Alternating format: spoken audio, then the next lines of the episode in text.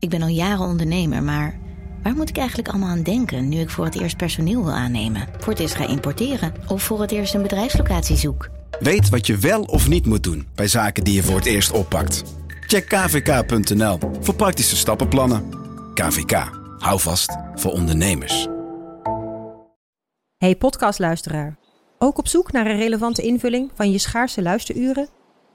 Tune dan in op de podcastserie ESG, even samengevat van BNP Paribas. Wij, Marloes en Aldert, spreken daar duurzame voorlopers en wereldverbeteraars.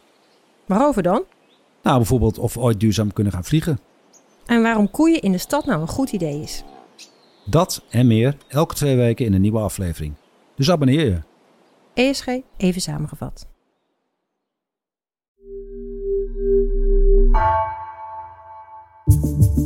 Vanaf de redactie van NRC het verhaal van vandaag. Mijn naam is Egbert Kalsen.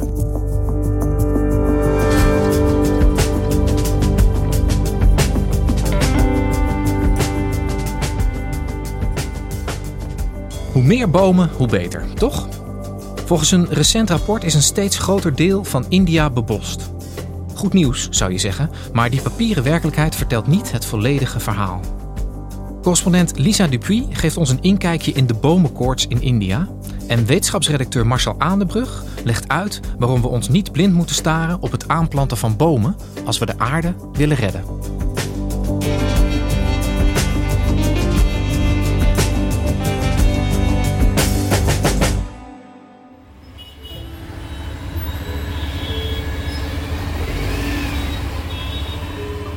Wat je hier hoort is het stadscentrum van New Delhi. En eh, nou ja, je hoort het hier. We zitten op een enorme verkeersader. Dus uh, aan alle kanten zijn uh, toeterende auto's, riksja's, motoren te horen. En ik ben hier een kijkje gaan nemen een aantal weken terug, omdat ik begreep dat hier een bos ligt in New Delhi. Dus wat je eigenlijk hoort is een bos in de hoofdstad van India.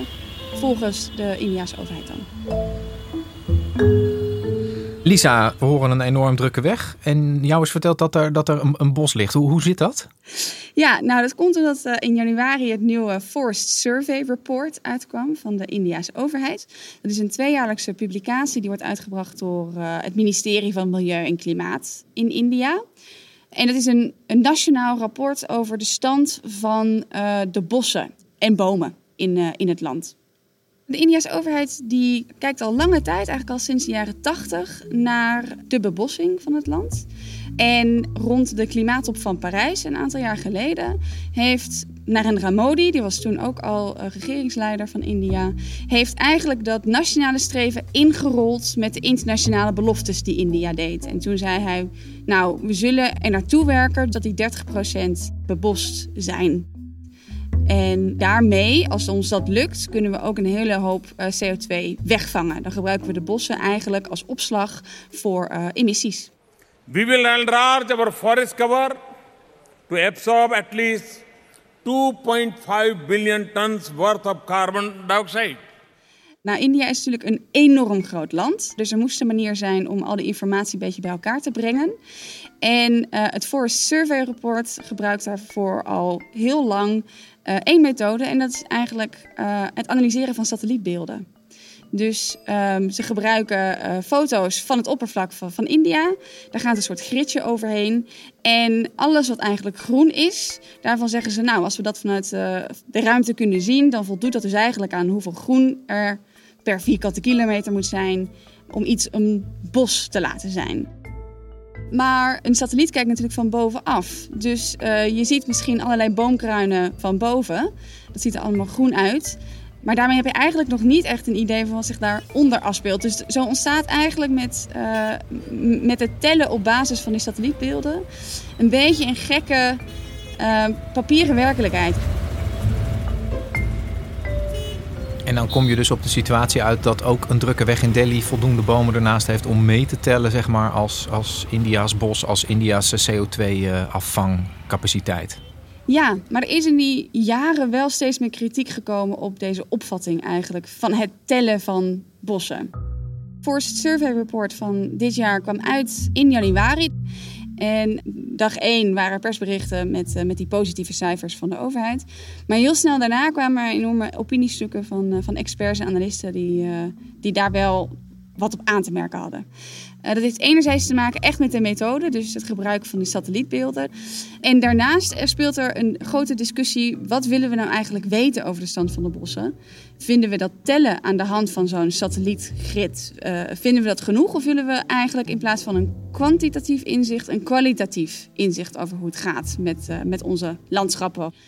volgens analyses van je beelden zouden er op allerlei plekken in India bossen moeten liggen. Maar die blijken bij nader inzien stadsgroen te zijn of uh, heel erg vervuilde gebieden. Maar ook theeplantages en boomplantages en landbouwgrond... die kunnen meegeteld worden in, uh, in, in deze methode. En is dat eigenlijk een probleem? Want je zou kunnen zeggen dat vangt ook CO2 af. Want wat maakt dat zeg maar, zo'n belangrijk verschil? Dus zeg maar de kwaliteit van het groen? Nou, als je zou zeggen, het gaat ons om uh, het aantal bomen dat ergens staat, omdat die een rol vervullen, dan, dan zou je op plekken eigenlijk lukraak heel veel bomen kunnen planten. Dat is wat, wat in India ook wel gebeurt. Dus er worden uh, uh, bomen aangeplant um, op bijvoorbeeld op plekken waar bos verdwijnt. Dus oerbossen in bijvoorbeeld het noordoosten van het land. Die zijn eeuwen oud, die zijn heel rijk. Het zijn hele rijke ecologische systemen. Daar leven ook allerlei dieren. Er zijn heel veel verschillende soorten flora en fauna te vinden. Nou, daar wordt gekapt om allerlei redenen. En India, de overheid, plaatst daar bomen voor terug. Dus ze keuren dat goed wat ze kunnen tellen. En daarmee kom je natuurlijk eigenlijk altijd wel positief uit.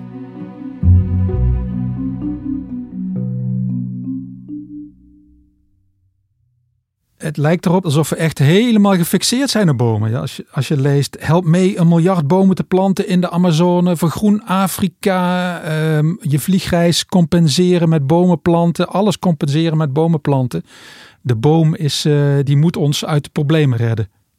Marcel, jij zit uh, bij mij in de studio. Jij bent wetenschapsredacteur. Mm -hmm. um, jij schreef ooit een artikel met de fascinerende titel 1 biljoen bomen, daarmee redden we de aarde niet. Ja. En toch zijn we ontzettend gefixeerd op die bomen. Hoe zit dat?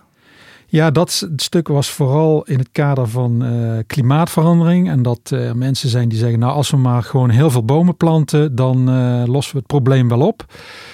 met het idee dat bomen CO2 vastleggen en daar op basis daarvan groeien. Maar er wordt in de wetenschap ook wel gedacht dat het een uh, overschatte manier is.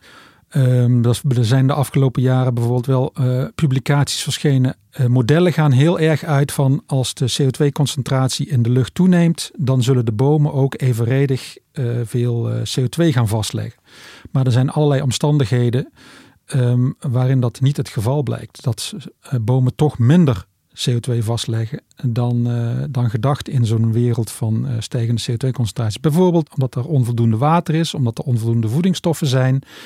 Nou al, al, dat soort berekeningen, daar zijn de modellen nog niet heel, heel erg op toegerust. Maar wetenschappers zeggen wel dat de rol van bomen waarschijnlijk overschat wordt. Ja. Maar dat is niet het hele probleem volgens mij. Hè? Want je kan CO2 afvangen, maar dan kan je allemaal met dezelfde soort bomen doen. En dat kun je met dezelfde soorten bomen doen. En, maar dan krijg je weer een kwetsbaar bos. En dat hebben we ook bijvoorbeeld in Europa gezien. In de 17e eeuw hadden wij in Europa nauwelijks nog bos. En we hadden wel heel veel hout nodig. Dus er zijn enorme productiebossen van uh, naaldhout. Naaldhout groeit uh, in de regel snel. Zijn er aangelegd. Er zijn hele grote gebieden met alleen maar fijnspar. En nou, ze hebben de afgelopen jaren in, met die, die droge jaren eh, in die gedeeltes gemerkt wat er kan gebeuren als je een monocultuur aanlegt. Dus alleen maar één soort boom. Want die bleek dus heel gevoelig voor de droogte. Er was een bepaalde kever, de bastkever. Die, uh, ja, die heeft daar enorme ravages aangericht uh, in de fijnsparbossen van Europa. Dus zo'n monocultuur is, is kwetsbaar voor, voor in dit geval zo'n bastkever. Is het dan beter om, om bossen van verschillende samenstelling aan te planten? Ja, en daar wordt dus nu ook uh, sinds een paar jaar mee geëxperimenteerd. Ook in Nederland. Als je toch een diverse bos creëert, heeft dat voordelen. Nou, het idee is dat, dat je een diverse bos weerbaarder is tegen allerlei ziektes. En ook beter beschermd is tegen klimaatverandering bijvoorbeeld. En het, het zorgt ook voor dat je de biodiversiteit groter is. Want dat is nog een een tweede grote pijler onder deze hele discussie. Door menselijk toedoen neemt eh, het aantal soorten planten en dieren nu in hoog tempo af. En dat wordt ook wel de zesde uitstervingsgolf genoemd. Ja, het, het, het, leidt bijna tot een, eh, tot een filosofische discussie. Hè? Je hebt aan de ene kant uh, het voorbeeld uit India, waar Lisa over vertelde. Met uh, nou, elke boom is er één en die tellen we. Ja. En aan de andere kant dus het, het belang van biodiversiteit. Het leidt ja. bijna tot de vraag van wat is een bos? Wat is een bos? En dat is, ik, ik denk ook dat dat hier aan de basis van de, van de discussie leidt in, in India in dit geval. je hebt de boekhoudmethode van de overheid. En dat, dat, dat is een bepaalde definitie. En er zijn mensen die het daar niet mee eens zijn met die definitie. Um, en die willen bijvoorbeeld dat er ook uh, rekening wordt gehouden met de biodiversiteit. So, this is what we carried from the jungle. This is how it should be.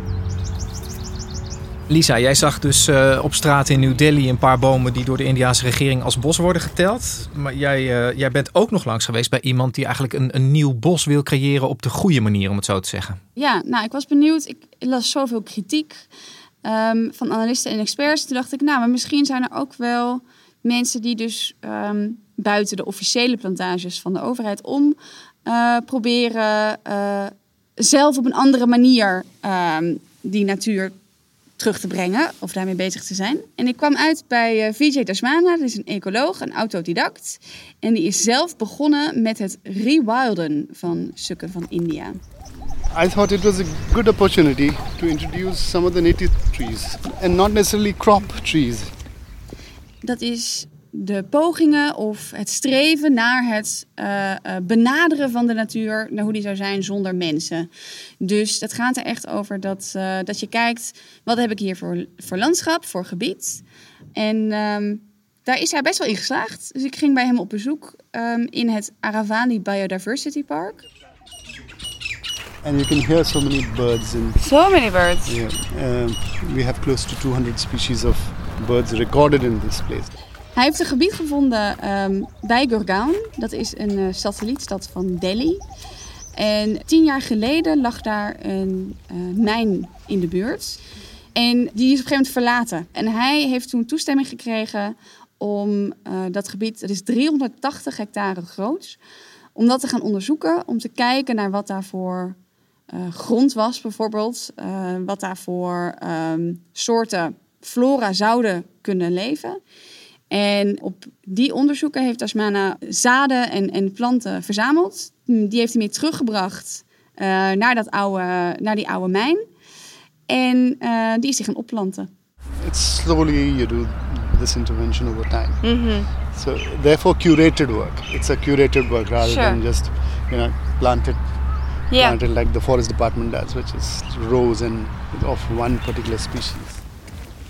Hoe ziet die mijnplek, die afgegraven mijnplek, hoe ziet dat er nu dan uit nadat hij daar uh, al tien jaar bezig is? Het is inmiddels echt een beetje een oase.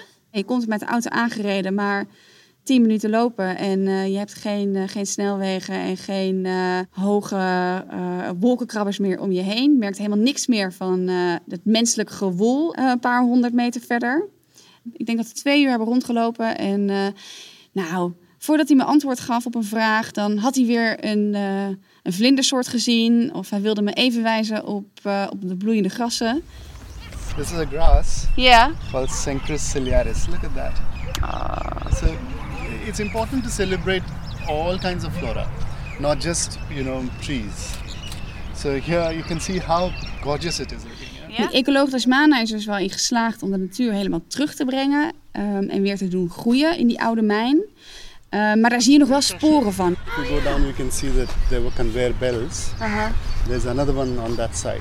Uh, dus je ziet her en der nog um, herinneringen aan wat het was.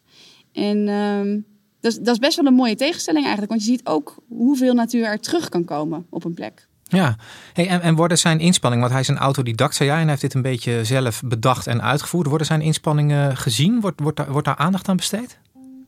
Ja, hij kreeg eerder dit jaar kreeg uh, Desmana, viel hem de eer deel dat de Verenigde Naties het uh, Aravali Biodiversity Park echt benoemde tot een biodiversity hotspot. Dus niet alleen voor, voor wat er nu groeit, maar ook gewoon voor het denken over ehm, natuur en de rol van natuur in de stad en in de levens van mensen. Dus daar heeft hij, hij heeft er veel lof voor gekregen. En ook van de overheid. Maar daar, moest hij ook een beetje, daar deed hij ook een beetje schamper over toen ik hem naar vroeg. Um, so the environment minister congratulates the. Hmm. We congratulate you for the efforts you are taking in conserving Aravallis. Whereas in the papers, in the in the legal framework, they have already brought an amendment to change the status of 60,000 acres. Yeah. yeah. So uh, deregulate. to be opened up. To, to, be, open for development. Yeah. Hij vertelde me dat hij, uh, dat hij inderdaad heel blij was met, uh, met de prijs of met de erkenning die hij had gekregen van de VN. Maar het viel hem op dat daarna uh, lokale autoriteiten daar een beetje mee aan de haal gingen. Dus die ministers en lokale ambtenaren die vooral elkaar erg feliciteerden met de behaalde resultaten. Maar, zei hij, ik weet dat achter onze rug om een aantal kilometers verderop um, deelstaten zijn die weer vergunningen hebben afgegeven voor het bouwen van grote infrastructuurprojecten in de Aravali bergen, dus in het originele uh, wilde gebied. Als er nog ergens iets te halen valt, dan gaan de Indiase autoriteiten er toch voor. Plus, dan kunnen ze dus ook weer wijzen op dat bijplanten. Ze zeggen, we gaan gewoon door met bijplanten. Hey, en krijgt zo'n VJ krijgt hij dan veel navolgers? Zijn er op andere plekken in India ook mensen die hiermee bezig zijn? Ja, dat wel. Uh, er komen veel mensen bij hem langs om te kijken hoe, uh, hoe hij het Aravali Biodiversity Park echt weer tot leven heeft uh, weten te brengen. Um, hij wil zelf ook weer een nieuw stukje aan de rand van Delhi onder zijn onderhanden nemen. Um, dus misschien zegt hij, ja, misschien moeten we gewoon vrede hebben dat we het gaan doen met die, met die kleine pockets eigenlijk van, van natuur. Misschien moeten we ons daarop richten. Ja, en een heleboel kleine stukjes vormen dan samen misschien uiteindelijk ook wel weer een heel groot uh, biodivers stuk. Ja, precies. Als maar genoeg verschillende landschappen worden teruggebracht, zegt hij, dan uh, hebben we misschien ook wel genoeg om uh, te waarderen. Dankjewel voor je verhaal, Lisa. Dankjewel, graag gedaan.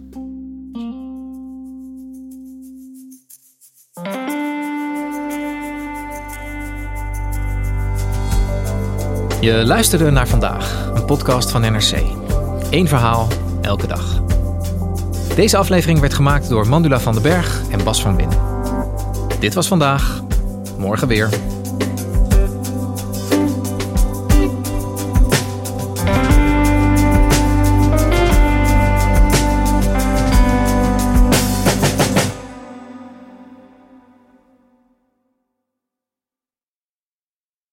Technologie lijkt tegenwoordig het antwoord op iedere uitdaging. Bij PwC zien we dit anders.